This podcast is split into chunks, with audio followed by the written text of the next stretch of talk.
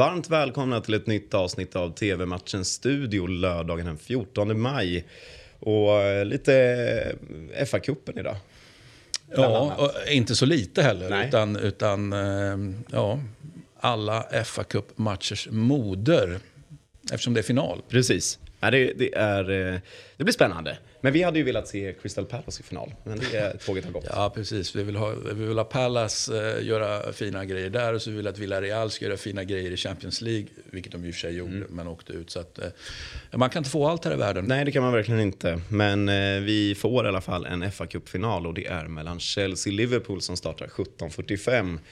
Är, det här, är det här en match som Liverpool kommer lägga fokus på? Eller, ligan ser ju lite körd ut. Eller är den körd? Hur, hur ska de gå in Alltså, för det jag tycker så här, oavsett om ligan är körd eller inte, och jag hävdar att den inte är körd, då, men det är klart att man håller lite uppförsbacke nu.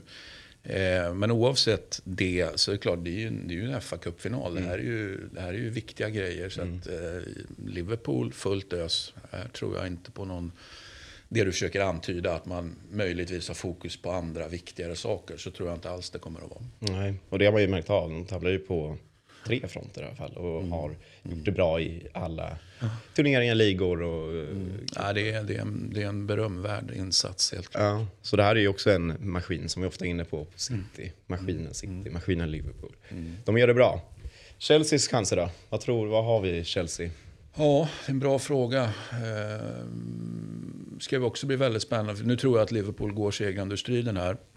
Eh, även om det såklart är svårt motstånd med Chelsea. Och, och det är ju hela den här situationen nu att vi vet vem den nya ägaren i Chelsea är. Och, ja, liksom massor med polett trillar ner och pusselbitar sitter. Eller, eller man vet vilka pusselbitarna är men de är inte inpusslade än så att säga i, i huvudpusslet. Så att, de- är fortsatt svårbedömda kan jag personligen tycka. Och, eh, en sak kan vi notera att Lukaku har ju då vaknat till liv. Sent ska syndaren vakna då, lite så. Men, eh, så vi får väl se om han kan göra någonting i det här. Eller om han då blir, blir ställd åt sidan igen då. Se. Men, men för deras sk- skull så påverkar ju det här eh, alltså de två sista omgångarna i, i ligaspelet. Jag, jag tänker att om man nu förlorar här, hänger man läpp i de två sista då? Jag, jag vet inte, jag vill ändå bolla upp den. Ja, det är... För där handlar det om att man då ska behålla tredjeplatsen. Det handlar inte om att man Precis. ska gå i fatt och bli tvåa, för det, det tåget har ju gått. Liksom. Men, men det är klart att man vill eh, sluta trea här och inte tappa tredjeplatsen till Arsenal som vi pratade om för någon dag sedan. Ja, det, det blir nog en Liverpool-vinst tror jag också. Verkligen. 17.45 startar matchen och ni ser den på Viaplay. Och eh, kul att äntligen få prata Ligue Ö igen. Ja, det är någonting vi eh, har en fäbless för här Precis. i TV-matchens studio. Och Med nu- all rätt då, egentligen alla matcher vi pratar om som är franska, men, men här har vi ju ett riktigt toppmöte då där det gäller att ta vissa placeringar i tabellen. Precis, Rennes som tar emot Marseille på hemmaplan 21.00.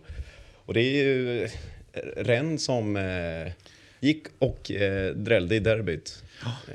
Men det är ju alltid, jag tänkte, vi har ju pratat mycket om att Rennes är, är eh, en av, eh, vi hade ju statistik på det, en av, en av fotbolls-Europa. Så nu var ju statistik kanske för, jag kommer inte ihåg, två veckor sedan eller någonting. Så det var ju liksom inte statistik igår. Va? Men en av de absolut fem, fem i topp vill jag minnas.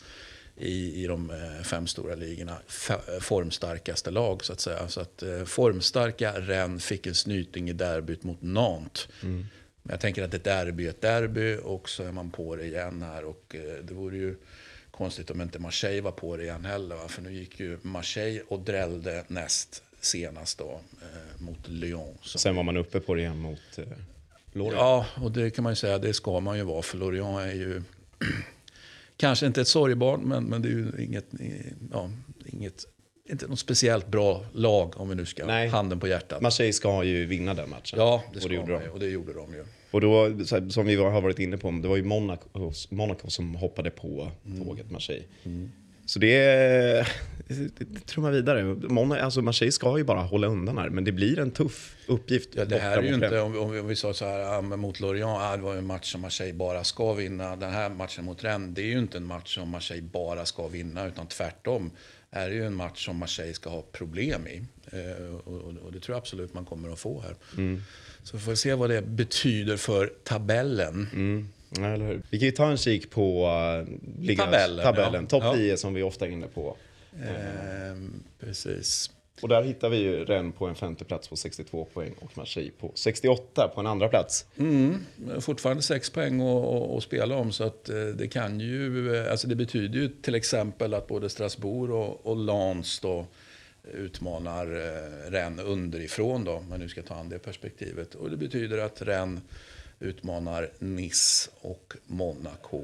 Och ja, inte riktigt Marseille kan vi inte säga va, men man vill ju gärna upp där och, och ligga i kölvattnet, nära i kölvattnet på Marseille helt enkelt.